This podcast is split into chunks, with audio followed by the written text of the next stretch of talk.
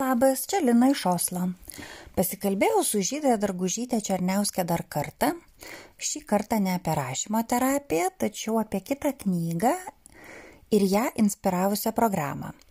Tai knyga 30 milijonų žodžių, taip pat vadinasi ir programa, kurios Žydrė yra ambasadorė Lietuvoje.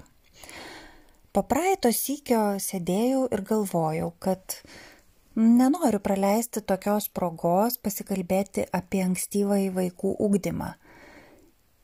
Ir begalvodama nusprendžiau, kad jau vien dėl savo Facebooko grupės Bamse narių noriu padaryti tai.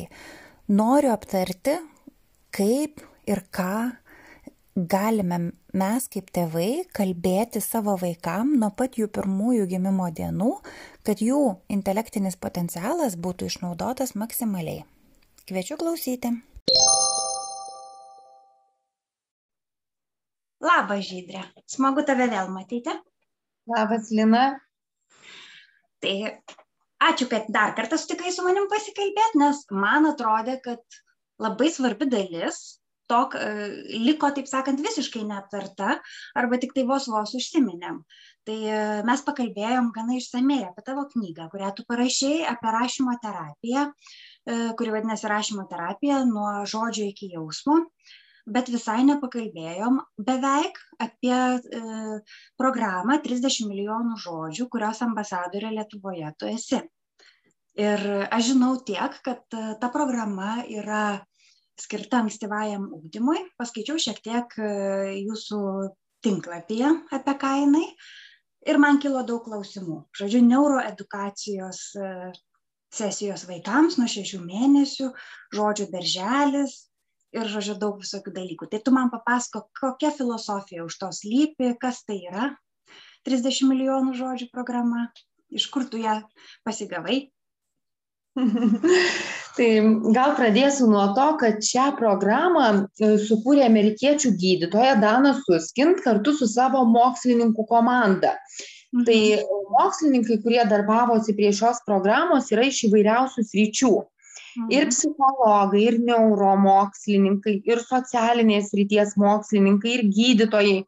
Na, žodžiu, buvo labai sujungta daug potencialo, kad ši programa gimtų.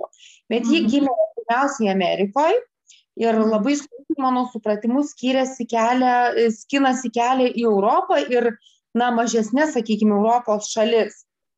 Tai mm. laukti savo pirmagimės dukros vietros, tiesiog, na, iš anksto ruošiausi, kaipgi čia reikės užsiimti su dukra, nes vis dėlto motinystė vėlyva, patirčių tokių su vaikais nebuvau turėjusi ir na tiesiog norėjau kai turėjau laiko sukaupti kuo daugiau žinių ir beskaitydama įvairius straipsnius ir žiūrėdama video apie ankstyvąjį ugdymą ir, sakykim, įvairias ugdymo filosofinės kryptis, atradau gydytoją Daną Suskin socialinėme tinkle.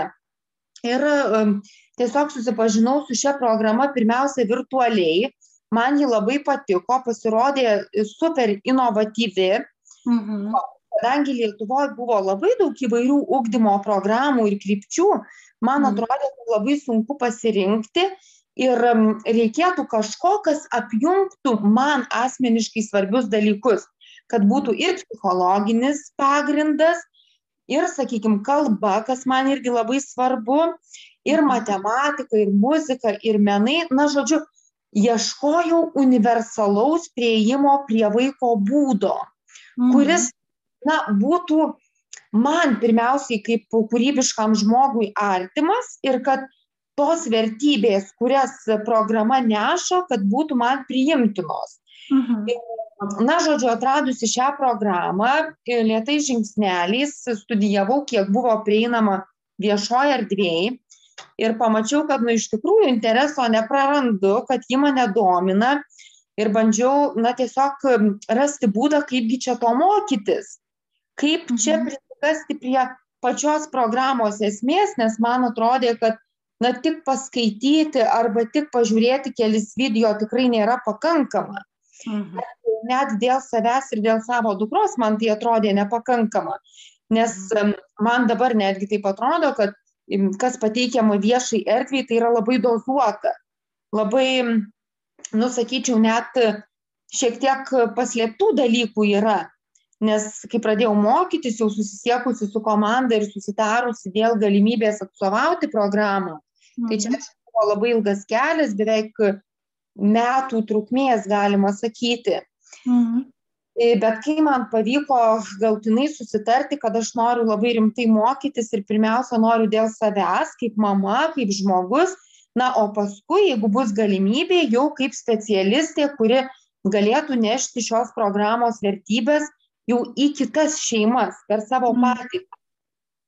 Mm. Tai kelias iš tikrųjų buvo labai sunkus, ne tik dėl to, kad ilgai užtruko, bet ir dėl amerikiečių požiūrio apskritai į Lietuvą kaip mažą valstybę, kaip mm. valstybė, kurią, sakykime, mažai kas žino Amerikoje. Ir visų pirma dėl mažo gyventojų skaičiaus, dėl to, kad, na, jie kaip vat, Amerikos mastu dirba, tai gauna labai didelę sklaidą, labai didelį pasiekiamumą, kadangi ir valstybinės institucijos padeda šią programą į šeimas nešti, todėl kad ten ir gydytojai kartu dirba, ir, sakykime, socialinės ryties specialistai, kurie su šeimomis dirba ir ergoterapeutai, ir kinesterapeutai apie tai žino, ir šeimos gydytojai rekomenduoja. O Lietuvoje ši programa, na, buvo žinoma tik tai tiek, kiek žmonės sužinojo perskaitę gydytojos knygą lietuvių kalba, kuri yra išleista 30 milijonų žodžių. Ji taip ir mm. vadinasi, kaip ši programa. Bet aš knygą atradau jau gerokai vėliau. Bet jinai yra išleista lietuviškai, taip? lietuviškai ir anglų kalba be abejonės ir paskui išversta lietuviškai, vavos leidikla yra išvertusi. Tai va tos šeimos, kurios mane jau atranda, tai jos būtent po šios knygos perskaitimo pradėjo ieškoti informacijos lietuvių kalba ir va taip su manimi susipažino. Bet aš pati radau va, gydytoją Daną Suskin grinai per socialinius tinklus ir taip kreipiausi dėl galimybės mokytis. Mm.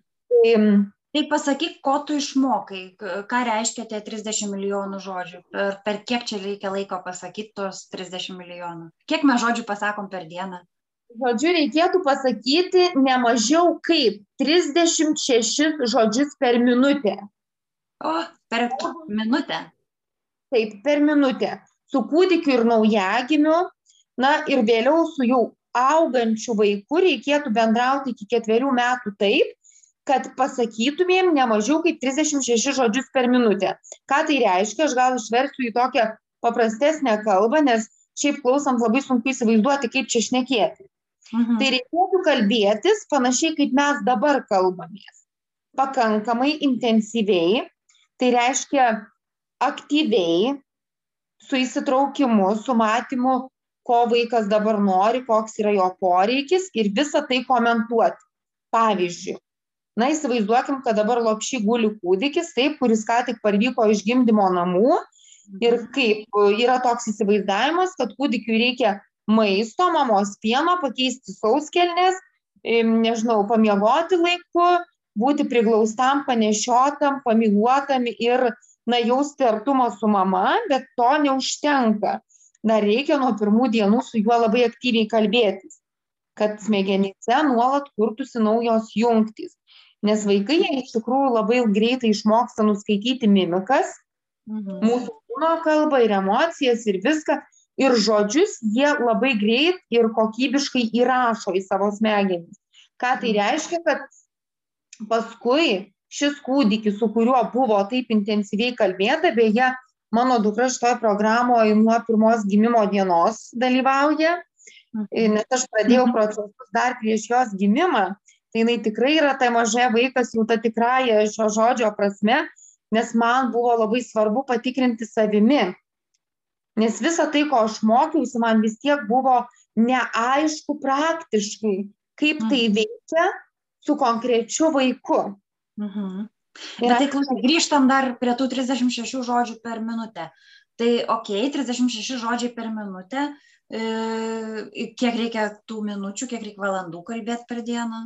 Tada, kai kūdikis nemiega. Jeigu kūdikis miega, tai tada jis jau daro tai, ką jis gali ir, žodžiu, mama jau tuomet jam nekalba nei tėvas, nei mama, nei kiti žmonės, kurie yra arti. Ir, žinai, šeimos manęs dažnai klausia, tai ką kalbėti tam kūdikiui tiek laiko? Iš visų pirma, tai aišku, čia jau kita tema, iš kur rasti emocinių jėgų ir fizinių, nes po gimdymo tai ir šiaip yra sunkus laikas.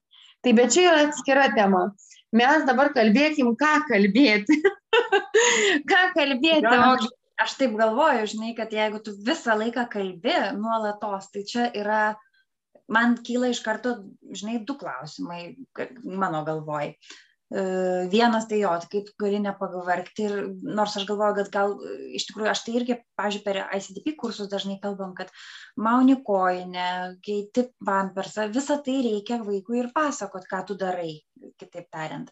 Bet e, kai tu sakai, kad 36 žodžiai per minutę ir kad tai yra gana intensyvu, taip kaip dabar vat, mes kalbėjomės, ar ne? Ir turint galvoj, kad vaikas žodžiais juk neatsakys, taip kad galima būtų uh, tai vadinasi jam reikia nu man atrodo kad kalbantis labai svarbu yra tas pingpongas tu aš du aš ir vaikas jisai irgi atsakys tik jis atsakys ne žodžiais ir kiek aš suprantu iš vaiko raidos teorijos tai tas mažas vaikas atsako truputį lėčiau.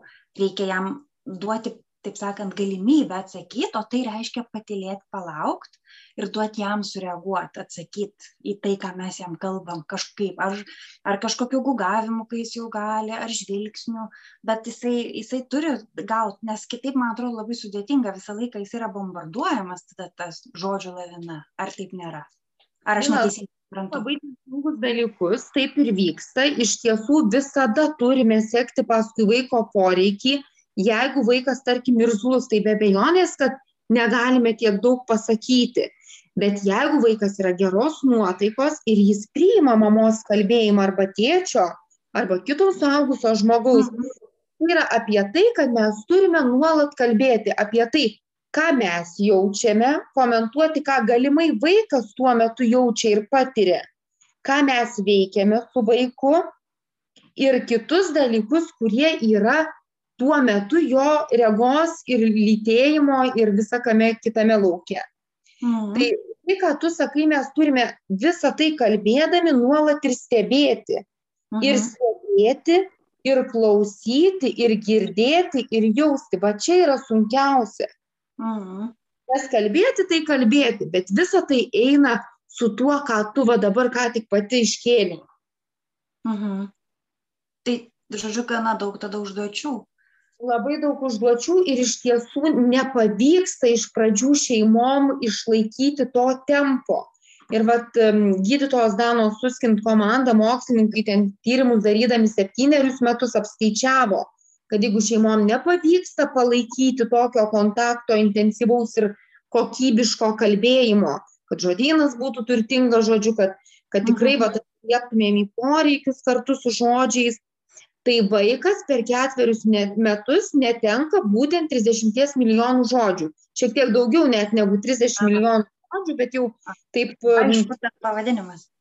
Taip, tai čia yra tas um, vadinamasis stygius, kalbos stygius, žodžių stygius, kurį vaikas augdamas maža kalbėjai šeimoje, kaip tyrėjai įvardina, nes jie tuomet traktuoja jau, kad jeigu šeima mažai kalba arba gerokai mažiau, arba apskritai vienas iš tėvų nekalba, tarkim, kalba tik vienas.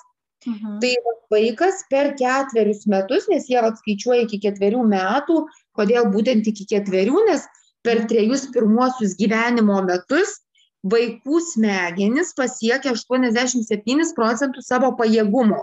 Tai mhm. Tai reiškia, kad smegenys fiziškai užauga 87 procentus iš šimto dydžio. Oho. Tai Oho. ir tai reiškia, kad tos jungtys, kurios jau susikūrė per šį laikotarpį ir nebuvo išgenėtos, jos lieka. Mm. Ir paskui nuo 87 iki 100 procentų tas vat augimas, kuris vyksta, jis yra labai sudėtingas lyginant su tais pirmaisiais trejais metais. Mhm. Kad per pirmuosius trejus metus vaikui niekas nesunku, nei trapecijos, nei rombai, nei kampai, nei matematiniai veiksmai, nei raidės, nei skaitimas. Tarkim, viena mūsų ta maža šeima augina vaiką, su kuriuo irgi vat, buvo dirbta pagal šią programą nuo labai ankstyvo amžiaus. tai dviejų metų, dviejų mėnesių jau lengvai skaito pagarsiui. Ir paskiemeniui. Nu, žodžiu, tai... Oho. Tai be jokios pastangos, be jokio reikalavimo ar, ar būtent tokio įkyraus skatinimo, kad čia dabar einam skaityti, mam kortelę, žodžiu. Ne, vaikas eina ir skaito dėl to, kad viena iš programos krypčių dalių yra vat, būtent ta ankstyva vokalizacija, kai mes nuo gimimo sąmoningai per dieną bent tris kartus po septynias minutės vokalizuojam fonemas. Pavyzdžiui, b, b, b, b, b, d, d, d, d, d, d, d, d, d, k, k, k, k, k, k, k, ž, ž, ž, ž, ž, ž, h, h, h, h, h. Ir intensyviai, aiškiai, kad matytų ir tai pasilenkia ir vokalizuoji, vokalizuoji. Ir jiem taip gerai įsirašo, kad jie iš tikrųjų ir R ištarė, būdami dviejų metų be jokių problemų, ir visas kitas sudėtingas fonemas, ir paskui jas pamatė, labai greit atpažįsta. Tarkim, dukra vienerių metų, būdama, be jokio ypatingo ten įdirbio, be kažkokio vargo, kaip kiti sako, dieve, čia raidės metų vaikas pažįsta, tai jau čia turbūt jau mama tai išprotėjus, pasisodindavo ir muštruodavo. Betgi tai nėra įmanoma su vienerių metų vaiku pasisodinti ir mokyti kažko. Tiesiog viena irgi iš programos užduočių, kad, va, pavyzdžiui, kur be eitum, ką bedarytum, visur turi raidės pastebėti ir įvardinti ne kaip ji vadinasi, kad B, C, D, bet kaip jis skamba, kaip ji tarėsi. Nes kol vaikas negalės pasakyti DDD, tai jam tas dienų nieko nesujungs, vis tiek dėdė neperskaitys. Mm. Tai kai tu vokalizuoji, kaip tu vadini, e, e, tarkim, e, kažkokią raidę mokai, ten DDDD, tai tu dar pasirašai tą D raidę, nusipieši ant lapo ir rodai iš abiejų pusių, ar ką tu darai. Ir piešiam, ir klyjuojam su pabarstukais, leidžiam liesti kūdikėlių, žodžiu, pavyzdžiui, nupiešiam su netoksiškais kokiais nors klyjais ar dar kažkuo limpančiu, medum dažnai piešiam, nenaudojam klyjų ir barstom, pavyzdžiui, su limų sėmenim arba kitais grūdais, gerai ten jas prispaudžiam, palaikom porą dienų, kad gerai priliptų ant kokio medinio dangtelio ir tada tą DDD, kad dar galėtų liesti. Mm. Čia kokia gera idėja, didesniem vaikam galima taip abecėlę visą susilipdyti iš visokiausių kruopų ir, ir, ir dalykų. Ir visai linksma, ir, ir, ir svarbiausia, kad tada ta motinystė nebūna tokia pilka ir nuobodi, nelieka vien tik tai sauskelnės puodai, dulkės ir šluotos, bet dar atsiranda tokių, nu ir kaip ir kūrybinių užduočių, kurios netgi sakyčiau puiki atsipalaidavimo technika mamom, nes aš, pavyzdžiui, labai mėgstu liesti įvairius dalykus ir ypač širkščių faktūrų, tai man pačiai daryti tuos visus dalykus yra malonu. Ir masažas tuo, ir stimuliavimas, nu žodžiu, viskas tuo pačiu metu. Mhm. Jo, čia skamba labai fainai ir, ir taip, man atrodo, labai pritaikomai. Gali, taip sakant, nelabai sudėtinga, patepė medaus, tarkim, ten užbarstėjai kažko ir tu gauni raidę vienokią ar kitokią. Taip, viskas. Ir... Mhm. Žinai, dar dabar ką pagalvojau, kad kadangi aš labai domiuosi dvikalbystė ir, ir tą ir studijavau ir, ir galvoju apie tai, kad, tarkim, dvikalbystės yra tyrimai rodantis, kad vaikai pradėję kalbėti dviem kalbom iki e, penkerių metų, jie realiai gauna visai kitą pagrindą tų dviejų kalbų. Jos dvi lygiavertiškai vystosi, abi dvi būna stiprios, plus kitaip vystosi smegenys turėdamos tų savo dvikalbių smegenų vadinamų privalumų. Tai aš dabar galvoju, kad jeigu iki ketverių metų vaiko 87 procentai smegenų išsivysto, tai ko gero reiškia, kad tarkim į, į tą patį dvikalbystės pusę, kad tada turi tos kalbos, kurios nori, tu nori, kad kalbėtų vaikas tom kalbom, jos tikrai turi atsirasti kitų, galbūt net ne penkerių, o ketverių metų. Nes tai tada daugiausiai vaikas paima. Aišku, paima ir vėliau mes paimam ir suaugusiam amžiuje, bet, bet tada jie paima lengvai. Paima lengvai ir be pastangos, va ką akcentuoja programa, kad mum jau reikia labai daug pastangų įdėti, kad prisimintumėm, kad išliktų atmintyje, o vaikams ne. Jie vat girdi ir mokosi iš to, ką jie girdi. Natūraliai. Mm. Aišku, ta maža labai daug kalba apie dvi kalbas minimum. bet dėja kartais Lietuvoje gyvenant, jeigu šeima nėra mišri, tai labai sunku ir ypač karantinas ir visa kita integruoti tą gyvą kalbą. Mm. Nes ką ši programa akcentuoja, kad ne iš ekrano turėtų vaikai mokytis, mhm. ne iš video, ne iš garsajuoščių ar tai kažkokių įrašytų įrašų, mhm. bet iš gyvo žmogaus mhm. santykį, kad jis galėtų ir stebėti, ir girdėti, ir atsiliepti, ir duoti savo grįžtamą į ryšį.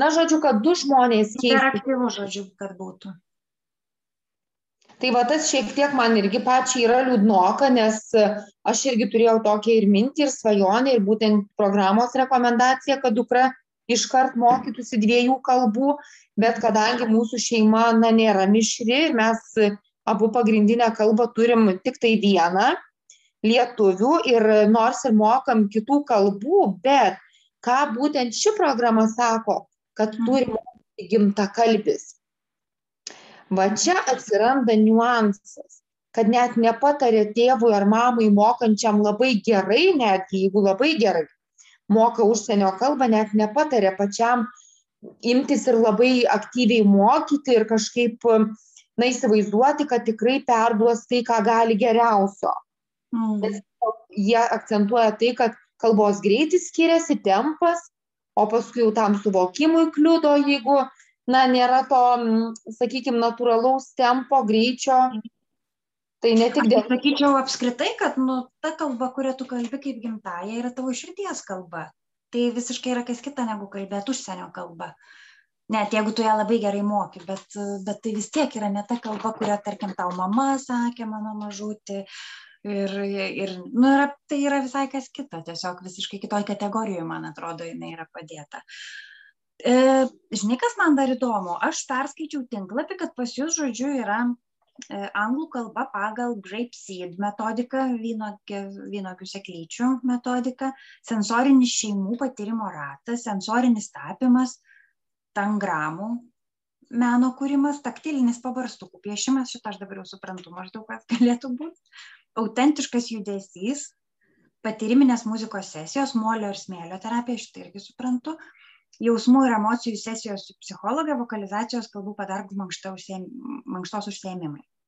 Tai man dabar papasakok šiek tiek, kas pavyzdžiui yra tangramų meno kūrimas, kas yra tangramos. Na, matematiniai ženklai, jeigu tai paprasta kalba pasakant, tai būtų, kad ir visos figūros, kurias mes pažįstam iš mokyklos, mes jas įvairiai dėliojam į meno kūrinį. Pavyzdžiui, darom iš trikampių, kvadratų, rombų įvairius medžius, žmogeliukus, namus, sakykime, dangoraižius, mm, kad ir viską, ką galim įsivaizduoti. Dėliojam mm. iš matematinių dalykų mhm. ir kiekvieną kartą kuriam skirtingą meną. Ir kol mm. vaikas dar yra labai mažas, na, pavyzdžiui, kūdikis, tai va šeima jį guldo ant kietesnio kilimėlio, ant žemės mhm. ir didesnių tų matematinių simbolių dėlioja patys, viską komentuodami. Ir vaikui leidžia, sakykime, kiek jisai nori ten graužti, jeigu yra saugi medžiaga. Nu, dažniausiai tai būna arba medis, arba netoksiškas plastikas. Mhm. Tai vaikas, sakykime, jisai dar negeba iš jų sukurti savo kažkokio labai konkretaus kūrinio, bet jisai turi galimybę stebėti ir jeigu nori, jisai gali išardyti, gali graužti, gali mėtyti, gali, sakykime, stumdyti, gali visai kaip e, dalyvauti tame procese taip, kaip tuo metu jam leidžia vidinės galimybės. Hmm. Supratau, hmm, tai čia labai įdomu. Kūriniai iš matematinių simbolių. Mhm. Ar tai reiškia, kad turi ir kalbėti ir įjungti į savo kalbą tuos matematinius e, dalykus? Viską įvardinam, kokios spalvos, kokie kampai, ar smailus, ar buki, ar status, kiek dabar kampų matom, kokios yra kraštinės, kurios čia kraštinės priešingos. Iš tikrųjų, gal skamba labai sudėtingai, bet iš tiesų, kai žinai, ką reikia pasakyti apie konkrečią figūrą, grįžta visos žinios iš mokyklos. Juk mes visi žinom, kas yra kraštinė, kas yra kampas. Aišku, yra ten sudėtingesnių dalykų, bet tai juos tėvai, kaip man sako, nu, va, šeimos, kurios dalyvauja programoje, tai vieną kartą paskaitai internete, prisimeni ir tada varai kaip iš pypkės. Nu, aš, pavyzdžiui, jau pamiršau, kas yra sinusai, tangentai, kosinusai. Kol kas nereikia tokių sudė, aukštosios matematikos dalykų, na gal ne visai aukštosios, bet jau vidurinės, užtenka pradinės mokyklos. Va tai, ką mes iki ketverių metų vaikui įduodam, jeigu mhm. mes sugebėsim pradinės mokyklos kursą daugmaž pražiūrėti patyriminiu būdu, tai jau mhm. bus labai gerai tai nereiškia, kad vaikas turi nuėjęs į mokyklą būti wunderkindas. Na, tai nereiškia, kad mūsų tikslas, kad vaikas būtų genijus ir kad nuėjęs į mokyklą neturėtų ką veikti. Ne, mhm. tikslas yra jį sudominti, pažinti matematiką per žaidimą. Mhm. Ir pažinti ne dėl to, kad jisai antroji klasėje geriau spręstų loginius uždavinius negu Jonas, bet mhm. tiesiog dėl to, kad mes turim motinystės laiką vieną kartą mhm. tą laiką įprasminti, žinant, kokie yra naujausi tyrimai, taip, kad vaikui padėtumėm pačiu geriausiu būdu, turėdami mhm. tą know-how, kad labai svarbi yra matematinė kalba, tai iš to išplaukia paskui ir matematinis menas, va kaip kalbėjom, kad ir tangramos ir daugybė kitų dalykų. O matematinė kalba yra kas? tai vat matematinė kalba irgi ir skaičiai, ir figūros, ir erdviniai žodžiai. Aukščiau, žemiau, kairiai, dešiniai, ten, mhm. sakykime, nežinau, ties lūpų kairiuoju kampu, voratinklis arba ten kokia musė ropoja. Labai daug erdvės žodžių duodam. Mhm. Ant grindų, po stalu, nežinau, ties ten, sakykime, durimis, ties lenkščiu, labai daug žodelių, kurie nurodo vietą erdvėje. Mhm. Ir daiktų lokaciją, ir mūsų kaip žmonių. Kad mhm. stengiamės vaikui sakyti, kad vat, dabar paimsiu, pavyzdžiui, tavo gertuvę nuo šio stalviršio. Mhm. Aha. Stalviršis čia pas mus, nu, žodžiu, stačia kampio formos stalviršis. Ir paskui, kai išmoksti, ką turi pasakyti, kad labai svarbu, kiekvieną dieną kalbant su vaiku, kad būtų skaičių. Nu, tarkim, mama supa vaiką ant supinių. Parke, laukia, ant, sakykime, ant savo kiemo supinių. Ir kas vyksta? Dažniausiai mamos supa ir tyli, arba supa ir kalba telefonu, kas baisu, arba, sakykime, supa ir žiūri kažkur, o vaikas irgi kažkur. Na, nekontaktuoja, nes supa, nu, maždaug. Tai ką daryti? Sakyt, vienas, du, trys. Taip, taip, vienas atgal, ten du pirmin, trys ten aukštyn, žemyn, žinai, nu, žiūrim ten kokių supinių, arba ratu, jeigu tos yra, kur, nu, žodžiu, kaip skritulys toksai. Mhm. Tai galima skaičiuoti supantis, galima mintinai atlikti matematinius veiksmus. Pavyzdžiui, 2 plus 3 lygų 5 ir nors vaikas galbūt iš pradžių to dar neįsivaizduoja, bet jam įsirašo taip gerai tie skaičiai, kad kartais pasakau dukrai 2 plus 5, jinai sako 7, 7.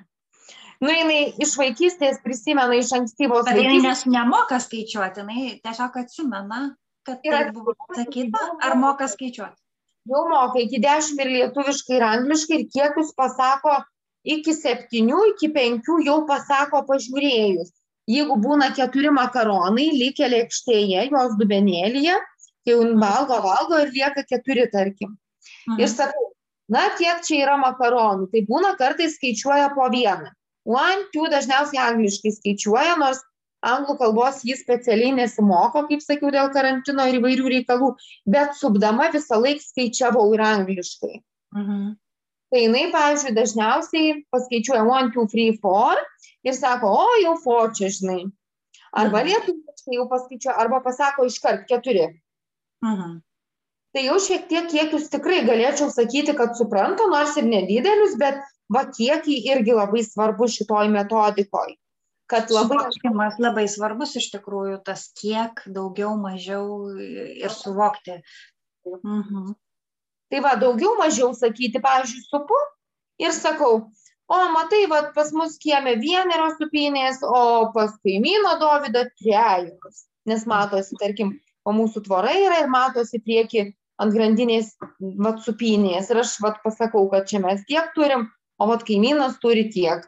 Arba nežinau, ten langų, einam kur nors gatvėje ir su dviračiu važiuojam, pamatom ten, sakykime, namą kokį didesnį arba daugia būti, o sakom, kiek čia daug langų, kiek čia gali būti, nu keliasdešimt.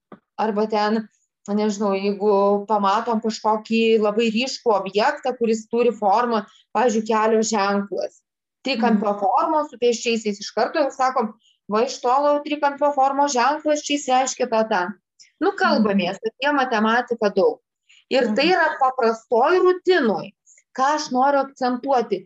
Nereikia mamai ar tėvui rasti papildomo laiko dienoje auginant vaiką. Mhm. Viskas vyksta gaminant, tvarkantis, važiuojant kažkur, mhm. būnant laukia, žaidžiant smėlio dėžėje ant supinių, nesvarbu, kur esam, visą laiką mes darom, ką galim. Kalbos prasme, kad kalbam, turi būti turtingas žodynas, tai reiškia, kad stengiamės ne tik tą patį per tą patį, va, ko aš turbūt neakcentavau, kad ne tik kalbėti, bet dar ir pagalvoti. Kalba, matematika, muzika, menai ką vat aš šiandien vaikui pasiruošiau papasakot įdomesnio, ką aš galiu daugiau pasakyti negu vakar. Mm. Patiems tėvams. Pamoką kokią turi ateiti, žodžiu, pas vaiką. Iš tikrųjų, reikia tėvams šiek tiek pasiruošti kartais, kai jau kūdikėlis, sakykime, na jau pažįsta visus namus, visus mm. kapus, kambarius, virtuvės, visur, kur tik tai gali pažinti jam tampa nuobodu. Tada jau reikia daugiau dalykų įnešti. Mhm. Daugiau vizualizacijų, tokių patyriminių, daugiau priemonių, bet aišku, jas daugumą mes susikūrėm, žinodami kaip. Tai nėra apie... Supratau, kad reikia nuo pat pat pradžių, nuo, nuo pat vaiko gimimo, nuo pirmos jo dienos pradėti su juo ir net anksčiau pradėti kalbėti, E, stengtis pasakyti 36 žodžius į minutę, kitaip tariant, intensyviai kalbėti, reaguoti į jo atsaką, žaisti tą ping-pongą, ne vienam pačiam varyti. E, tada reikia kalbėti matematiniais terminais, kad jiem ta kalba pasidarytų, aš suprantu, tokie įprasti tie terminai, kad jas tiesiog suprastų, jo žodynas tiesiog pasidaro ir matematinis. O kaip tada su muzika, kaip, kaip ką, ką darom su muzika? dabar su muzika ką ši programa rekomenduoja tai kuo anksčiau pradėti klausytis klasikinės muzikos mhm. ir neribojant vaiko tai yra aišku kol jis kūdikėlis tai dar neturi galimybių tai būna prie mamos. Tai pavyzdžiui nešyklėj galima arba šiaip laikant judėti pagal muziką. Patyrimiškai tai reiškia be jokio iš ankstinio pasiruošimo žinojimo žingsnelio. Tiesiog klausyti tos klasikinės muzikos ir su vaiku judėti pagal muziką. Kai vaikas jau gali daugiau veiksmų atlikti, paleisti jį patį, kiek jisai nori dalyvauti, irgi mhm. pagal tą muziką savo kūnu atlikti tam tikrus veiksmus, taip kaip jis nori, kaip jis jaučia. Ir kad man klasikinė muzika. Klasikinė rekomenduoja dėl to, kad jį vaikams yra be vokalo, o mhm. vokalo nerekomenduoja dėl daug dalykų dėl tarties, dėl tempo, dėl greičio, nes būna visokių dalykų, kad ji paprasčiausiai suvokiama. Mhm.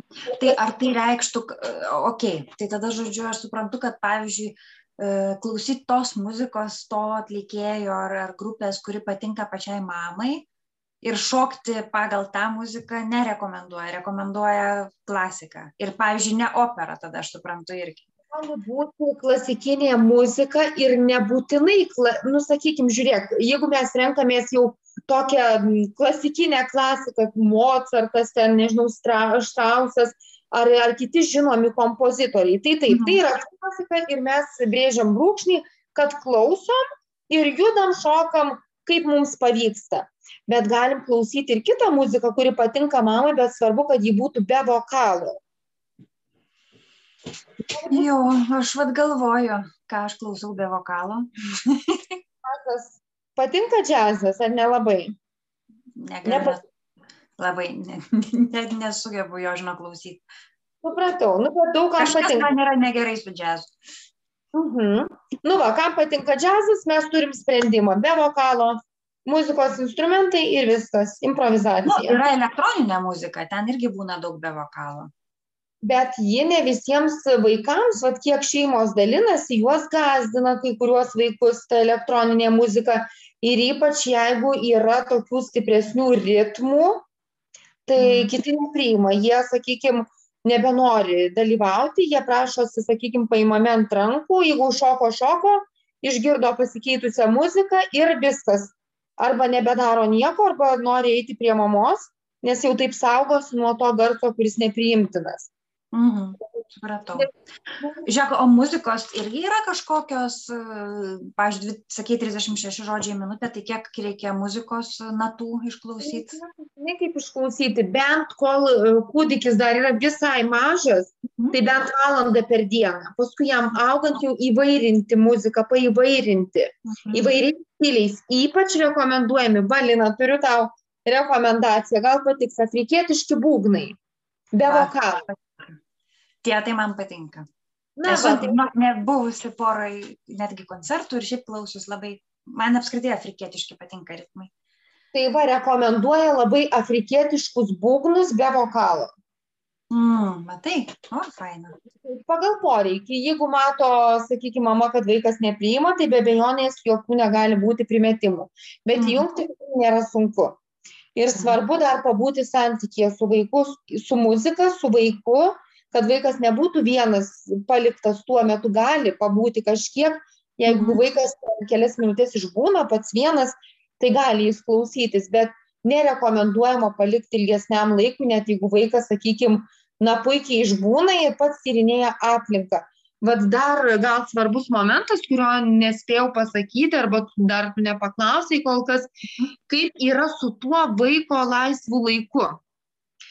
Tai čia programa sako taip, kad stengtis nepiknaudžiauti tuo, kad vaikas būna pats vienas tyloje ir neprašo mamos dėmesio. Mhm. Nes tada mes prarandam tą brangų laiką.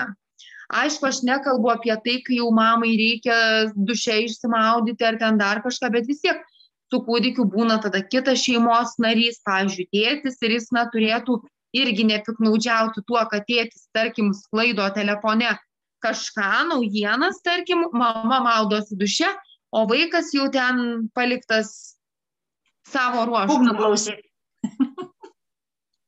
tai va, reikėtų nepiknaudžiauti, bet čia yra tokie, sakykime, idealistiniai modeliai, bet man, aš noriu savo čia užsidėti tokį mažą medalį, kad man pavyko nepiknaudžiauti Aš dar mhm. netgi galvoju, kad man iki dabar pavyksta. Žodžiu, vaikui skirti tą dėmesį, kad jisai klausytų muziką ne pats savo vienas ar ten pieštų ar, ar lipdytų, bet kad jisai jaustųsi, kad čia jūsų bendra veikla. Aš tai sakyčiau, iš ICDP pusės tai čia žiauriai gerai, kad kai vaikas kartu yra tie momentai džiaugsmo, kūrimo ar kažkokie kiti malonūs momentai, kuriuos mes praleidžiam kartu su vaiku, tai jie aišku įsirašo mumė patirtį ir į atmintį kaip, kaip mūsų artumas, kaip mūsų bendrumas, kuris paskui labai mums jo prireiks, pavyzdžiui, paauglystėje mhm. apie kurią, aišku, mes dar negalvojam, kai jis būna mažiukas, bet viskas juk įsirašo į, į vaiko atmintį ir, ir jo patyrimą, jo būtent suvokimą, ką jis gali veikti kartu ir kiek jam reikia būti vienam. Nors aš tai kažkaip galvoju, kad, nu, kartai žmogus galbūt ir klausimas, tada, kad, kad gal ir nori pabūti kartais vienas, ką tu manai, pavyzdžiui, apie temperamentą. Vieni yra vis tiek aktyvesni, o kiti gal yra ramesni žmonės ir galbūt jam reikia trupučiuką apmastyti. Pavyzdžiui, vienam vaikui e, gauna dovanų, jam iškart reikia išardyti, pažiūrėti, ištyrinėti, o kitas nori, pavyzdžiui, kartais pasideda dėžutę, paskui atidaro, paskui pradeda taip išlėto. Aš matau, pavyzdžiui, ant vaikų ir savo pačios ir apskritai, kad labai skirtingai ir tu negali nei forsuoti, nei stabdyti. Nes taip. nu, to, va, taip žmogus priima pasaulį ir naujienas. Tai va čia dėl to ir kiekviena mama turėtų nuspręsti, koks yra jų tinkamas tempas šeimai. Mm. Bet žinant, kas yra, sakykime, kur tie kertiniai taškai, labai gera turėti tuos atramos tokius polius, mm. kurie leidžia laviruoti. Nu, žiūrėti pagal temperamentą, pagal individualius jau norus, poreikius, bet mm. iš tiesų, kas svarbu, kad mm netgi ir tuo temperamentu nepiknaudžiauti. Nes pavyzdžiui, na, labai man patiko tavo pavyzdys, kad, sakykime, jeigu vaikas yra, na, tokio ramesnio būdo, gal melancholiško labiau, kai jis mm. nori m, taip išbūti ilgiau, čia yra pavojus mamai šiek mm. tiek, na, pernelyg atsitraukti. Mm. O taip aš pasakysiu, pernelyg atsitraukti nuo vaiko ir galvoti, kad jau jis čia vat, gali pabūti.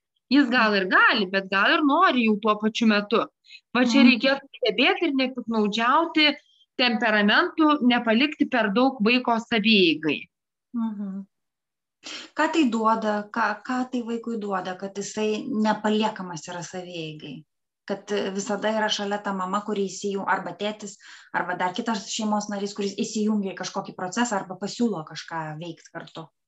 Visų pirma, spartesnį mokymąsi, spartesnį tokį patyrimą, kuris mhm. leidžia pamatyti daugiau einamojų momentų. Na, pavyzdžiui, žiūrėk, jeigu vaikas pusvalandį, būdamas, tarkim, šešių mėnesių, ropinėja, aš čia duodu tokį hiperbolizuotą šiek tiek pavyzdį, ropinėja apie tą pačią namų tvorelę, kuris saugo žydinį. Nu, aptvertas žydinys.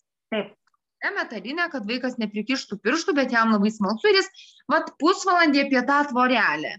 Vis mhm. ten ropinėja, bando kažką išardyti, paliesti, palaižyti, sakykime, pa, pa, gal net, sakykime, nugriauti.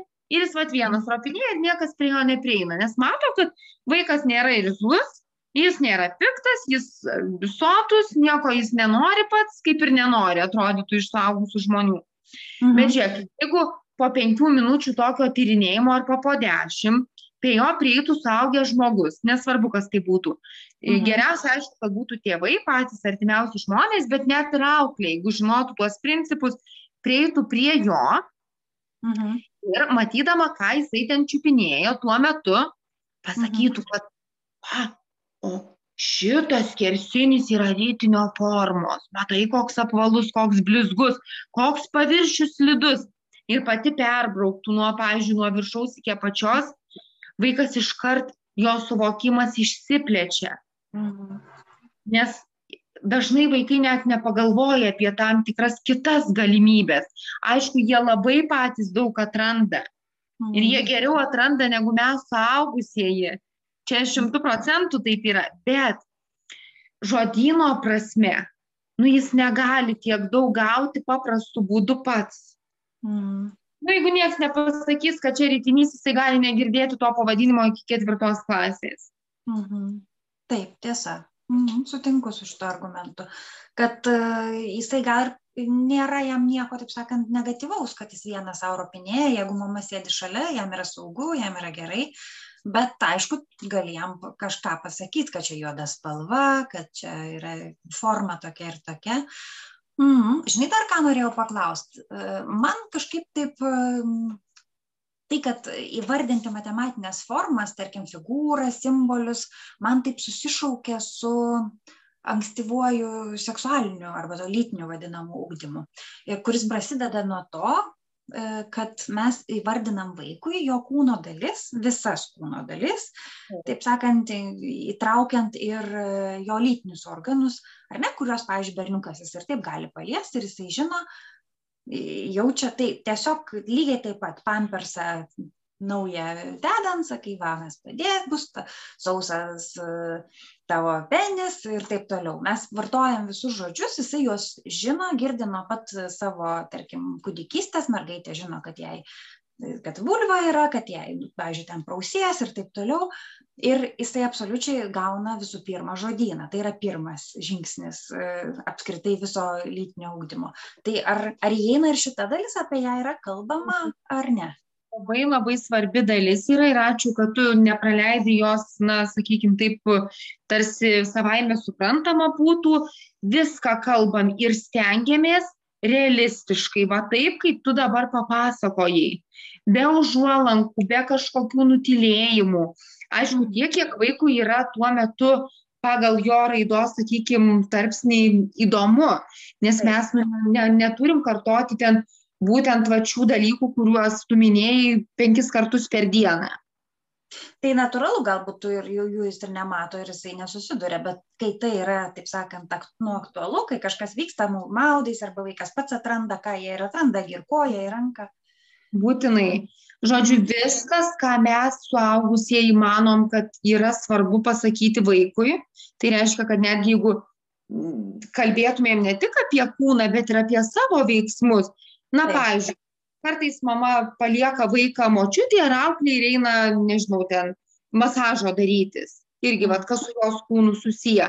Tai jinai mhm. turėtų pasakyti, kad, vad, ne šiaip pasakyti, kad, nu, dabar manęs čia nebus pusvalandį, nes būna, kad iš vis nepasako, bet pasakyti konkrečiai, kad, va, mhm. aš dabar turiu savo valandą ir ją aš skirsiu savo einu dabar į masažą, man atliks masažą, vat nugaros arba ten viso kūno, žodžiu, detalizuoti. Tai tai, ką tu mini ir ką mes dabar kalbam, svarbu pabrėžti, kad detalizacija visą kame.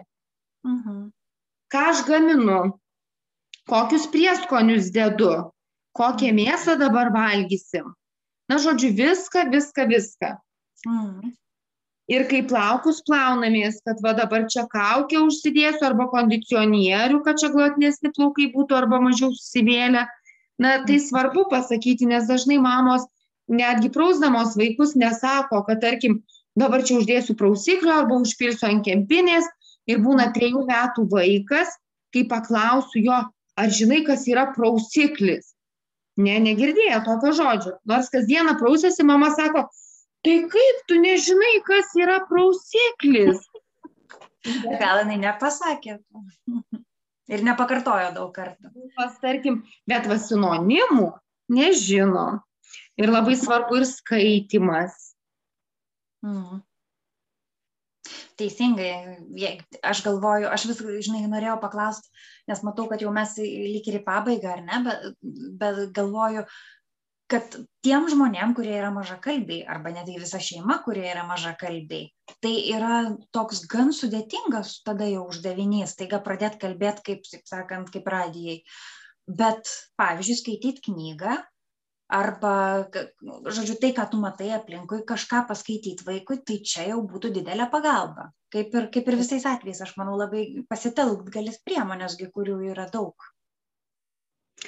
Išties, Lina, va čia yra tokia mažakalbystės stigma, gana gaji, su kuria aš susiduriu, kad jeigu šeima, net nekalbant apie šeimą su vaikais, bet, va, pažiūrėjau, vyras ir žmona, kol dar mhm. neturėjo vaikų, jie jau buvo mažakalbiai, tarkim. Mhm. Kalba apie jausmus, tarkim, jiems savaime suprantama. Mhm. O tada susilaukus vaikų mes pirmiausia turėtumėm tvarkyti šeimos ryšį ir santyki, tai reiškia, jie patys, kaip vyras, moteris, turi labai daug dalykų pakeisti savo šeimoje, o pakeisti savo priimtinų būdų. Daug gali būti būdų, bet pradedam nuo to, kad tėvas ir mama suvokia, kad yra svarbu kalbėti ir kad reikia to mokytis. Kad reikia to mokytis, kaip pagaminti, sakykime, lygiai taip pat kaip pagaminti patiekalą, kurio negaminai. Vat mm. imi ir mokaisi, skaitai receptą, nusiperki reikiamų produktų, paklausi mamos ar draugės, jeigu jinai geriau moka ir mokaisi. Mhm. Tai čia mama ir tėtis turėtų mokytis. Mhm. Bet savo įpročius. Bet tu galvoji, kad tai yra iš to, ką tu sakai, e, tai aš suprantu, kad maža kalbystė, jeigu taip galim pavadinti, ma, maža kalbiškumas ar ne, tai tu, tu sieji su įpročiu, kad tai yra toks susiformavęs įprotis ir būdas bendrauti. O gali jis būti ir kitoks ir tada tu išmokot gali kitokio. Kitaip tariant, tai nėra žmogaus charakteris, žmogaus būdas, žmogaus natūrali būsena. Aš manau, kad tai elgesio modelis. Mhm. Ir mūsų įpročio dalykai, kuriuos mes galime keisti bet aišku reikia daug pastangų ir žinių. Ir ne visi pasiryžta tam nes nemato prasmės. O nepasiryžta kaip kaip va minėjau nėra nėra tokio atspirties taško. Tarkim turi per mažai žinių. Vat galvoja kad jeigu ir nekalbėsiu mano vaikas kalbės. O būna taip kad ir neprabyla trejų metų. Nu, bet dauguma vaikų pradeda kalbėti, net ir tose šeimose, kur mažiau kalbama. ar ne? Taip, bet jų žodynas būna skurdesnis. Taip. Ir netgi va, gydytojo suskint komanda akcentuoja, kad akademiniai pasiekimai be bejonės bus prastesni. Netgi taip tyrimai rodo, kad vaikai, kurie augo mažakalbėse šeimose, na, jie sulaukė, sakykime, septyniarių metų, jie tris kartus prašiau atlieka tuos netgi paprastus akademinius testus, kurie būna, pavyzdžiui, prieš mokyklą pateikiami. Suvokimo, loginio mąstymo, tai net nėra grinoji matematika ar tai kalbos taisyklės. Mhm. Tai labiau tokie bendro pobūdžio testai. Mm, supratau. O ką tu manai apie emocinį intelektą, ne vien tik tuos akademinius pasiekimus, bet kaip, kaip čia taip sakant, bandau kontrargumentuoti, kad Mhm. juk ir daug tyrimų rodo, kad e, ne tik tas mūsų IQ paveikia, kaip mes jaučiamės gyvenime ir kaip mes apskritai gyvenam, e, bet ir mūsų emocinis intelektas. Ir kad emocinis intelektas gyvenimo bėgyje yra svarbesnis, nes mes net ir turėdami mažesnį, pavyzdžiui, intelektinį potencialą, emocinių savo potencialų išnešam tada, nes mes mokam draugaut, bendraut ir esame, tarkim, empatijos dalykai, jie, jie atsveria ir jie žmogų galbūt netgi padaro laimingesnį. Tai kaip, kaip šita programa ir nesižvelgia į tą emocinio intelekto aspektą? Labai labai stipriai. Čia yra vienas iš pagrindinių kalbos momentų, kad pirmiausiai mes pradedam nuo emocijų įvardymo. Savo emocijų, kaip Mhm. va, mamos, kaip tėčio, kad va dabar aš jaučiuosi suirzusi, dabar aš jaučiuosi pavargusi, dabar aš jaučiuosi labai susinervinusi, nes kaimynės katinas vėl prišiuko ant laiptų, tarkim. Tai, vad buvo tokia situacija. Jau E, suprantu, kad nuoširdžiai skundai. Tai va, tai situacija tokia, kad labai daug yra įvardymo. Pirmiausia, mes pradedam nuo įvardymo, paprasto, paprasčiausio, kad tiesiog pasakom, kaip jaučiamės. Ir Mhm. paskui, kai jau vaikas šį žodyną pažįsta ir jisai susijęja mamos būseną, kurią regi, su tuo, kaip jinai įvardijo, Mhm.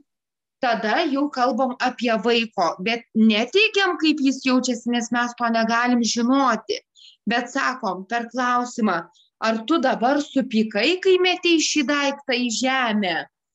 Arba kai tu numetei ir sudaužiai šį podelį, tu turbūt buvai taip įniršusi.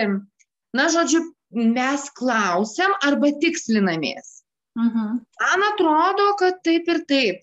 Man atrodo, kad tu dabar labai susierzinai. Arba atrodai labai laiminga. Gal tave nudžiugino ten tas ir tas. Mhm. Tai dabar tada irgi maža to, kad yra žmonės, kurie ma- mažiau kalba.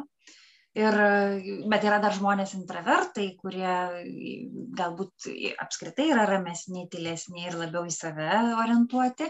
Nu, tai yra ne visai taip, aš dabar tokios klišės pa- pakartojau, bet jie, tarkim, mažiau turi galbūt kontaktų ir jie nepasikrauna nuo kontaktavimo, o kaip tik pavargsta ir tada jam reikia laiko savo ir su savim.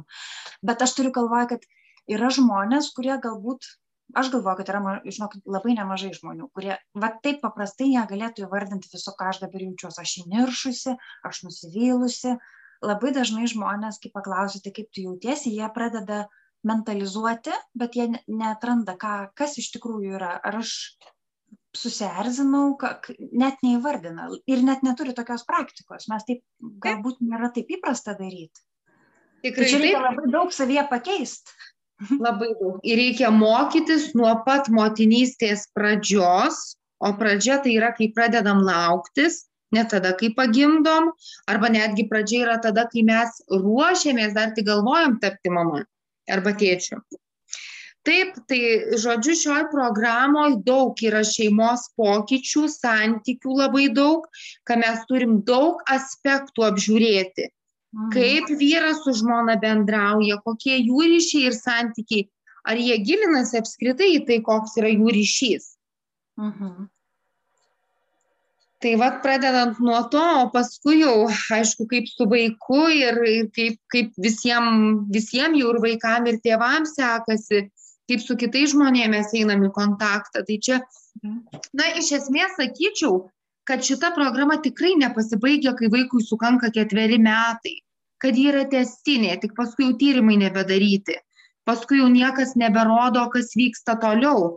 Bet aš net nebejoju, kad jeigu šeimos, kuriuom nutiko ši filosofija, šios programos vertybės pradeda gyventi pagal tai, nes tai iš tikrųjų tampa gyvenimo būdu. Taip, tai nėra. Manau, per ketveris metus tu jau susiformuoji naujus įgūdžius ir naujus įpročius. Ir manau, kad jie tikrai išlieka ilgai, kad jie niekur nedingsta po to, tik padeda kurti ir puoselėti santyki. Mhm. Nes manyčiau, kad visos šitos vertybės, kad kalbam, jaučiam, turim santyki ir sąlytį su menu, apie ką mes vat mažai kalbėjom šio pokalbio metu, nes tą meną ne tik mes patys kūrėm, bet ir lankom profesionalių menininkų parodas, sakykime, ir muziejus, įvairias ekspozicijas, na, dalyvaujam kultūriniam gyvenime. Tai yra mhm. svarbu akiračio plėtimui ir ši programa labai stipriai šią idėją neša, kad vaikas neturėtų užsidaryti namuose kartu su tėvais ir, ir tėvai neturėtų galvoti, kad dviejų metų vaikui per anksti nueiti į nacionalinę dailės galeriją. Mhm. Oi, kaip įdomu, dukrai buvo iš savos patirties. Oi, aš, kaip, aš kaip pritariu šitam, aš manau, kad vaikui tikrai, jis tegu nesu, nesupranta ten visko, ką mes suprantam, bet jis pasiima savo, tai, kas jam yra, taip sakant, įdomu, tai jis ir pasiima. Ir aš manau, kad su vežimėliu galima važiuoti į muziejų ir, ir su tuo tokiu pipliu vaikštančiu, aišku, jis mažiau to muziejaus gali apžiūrėti per tą vieną gabalą, jam atsibos ir taip toliau, bet kad kad vaikui būt tarp meno yra gerai nuo pat mažų dienų, tai aš čia labai pritariu. Ir tada nereikės sakyti, kad, pavyzdžiui, kokio nors devinmečio jau nebeįmanoma nutempti, nes jisai nebenori, jam neįdomu, nes jis jau bus pripratęs, kad tai yra dalis gyvenimo tiesiog. Kur jisai eina ir į mišką eina, ir į muziejų eina, tai čia ten, kur jis būna. Kaip mhm. smėlio dėžėje, taip ir, taip ir muziejuje, jam netrodys, kas čia, kam čia reikia to. Labai pritariu aš šičia tai, va čia man labai patiko, iš tikrųjų, nors mes čia mažai pakalbėjom, bet aš galvoju, kad mintis yra aiški.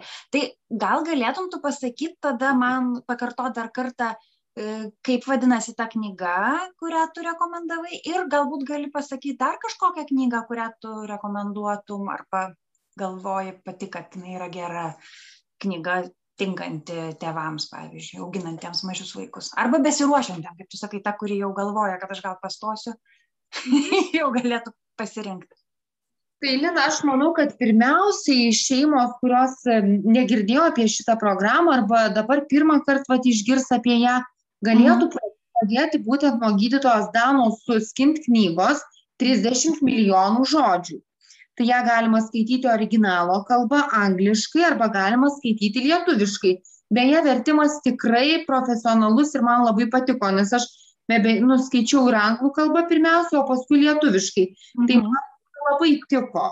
Tai manyčiau, kad drąsiai galima pradėti lietuvių kalbą skaityti ir e, gal tik tai tai, kad knygoje nėra konkrečių pratimų, kuriuos mhm. šeimos galėtų imti ir taikyti kaip metodikos dalį. Ten yra mhm. labiau kalbama apie tyrimus, ką jie sako ir kas yra svarbu, kad svarbi matematinė kalba, bet nu, nėra labai konkrečiai detalizuota, kaip tą matematinę kalbą integruoti į kasdienybę. Dabar dėl kitų knygų. Mhm. Aš sakyčiau, kad bent jau kaip aš darau pati. Mhm. Aš neturiu vienos knygos favoritės, kurią būčiau nusičiupusi, sakykime, prieš susilaukdama dukros arba jai gimus ir laikyčiau įsitvėrusi kaip um, labai man reikšmingą knygą, labai svarbę.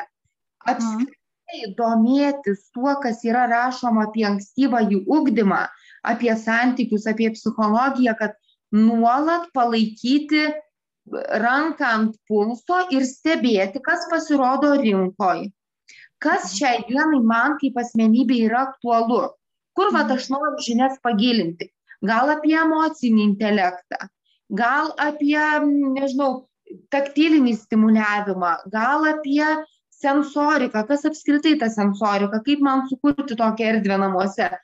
Tai reiktų skaityti. Tiesiog aš patarčiau, kad mamos savo kasdienybėj rastų bent pusvalandį, bent 15 minučių per dieną, ar kai vaikas užmiega, ar netgi jeigu vaikas leidžia skaityti tą savo rūpimą knygą balsu, vaikui girdint. Mhm. Bet skaityti nuolat ir sekti, vat, kas, kas čia dabar vat, yra ant bangos. Mhm. Nu, žodžiu, neišika vienos knygos kaip, žinai, tokio... Biblijos. Nu, mm, supratau. Aišku, tai čia labai geras patarimas iš tikrųjų. Sekti naujienas, atsirinkti, kas tau patinka, tinka ir, ir pasidomėti. Nuolat domėtis. Aišku. Tai vėl mes sužinojom, aš manau, kad klausytojai tikrai sužinojo daug naujo ir galbūt grėps tą knygą ir paskaitys ir, su, ir susipažins su tais tyrimais. Man labai įdomu, kad, kad, tu, kad ten yra pristatomi tyrimai, man atrodo, kad tai svarbu, man tai labai patikimumą padidina iš tikrųjų mano pasitikėjimą metodais.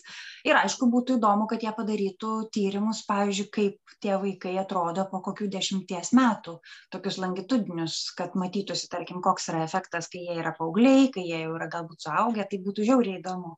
Aišku, gal tam reikėjo laiko šiek tiek. Tai va, nu, bet mes turim visą gyvenimą prieš akis, tai gal sulauksim ir tokių tyrimų iš tikrųjų ir galėsim paskaityti. Tai va, o dabar ačiū tau labai ir tikrai man buvo labai įdomu, manau, kad buvo įdomu ir tiem, kurie mus išgirs.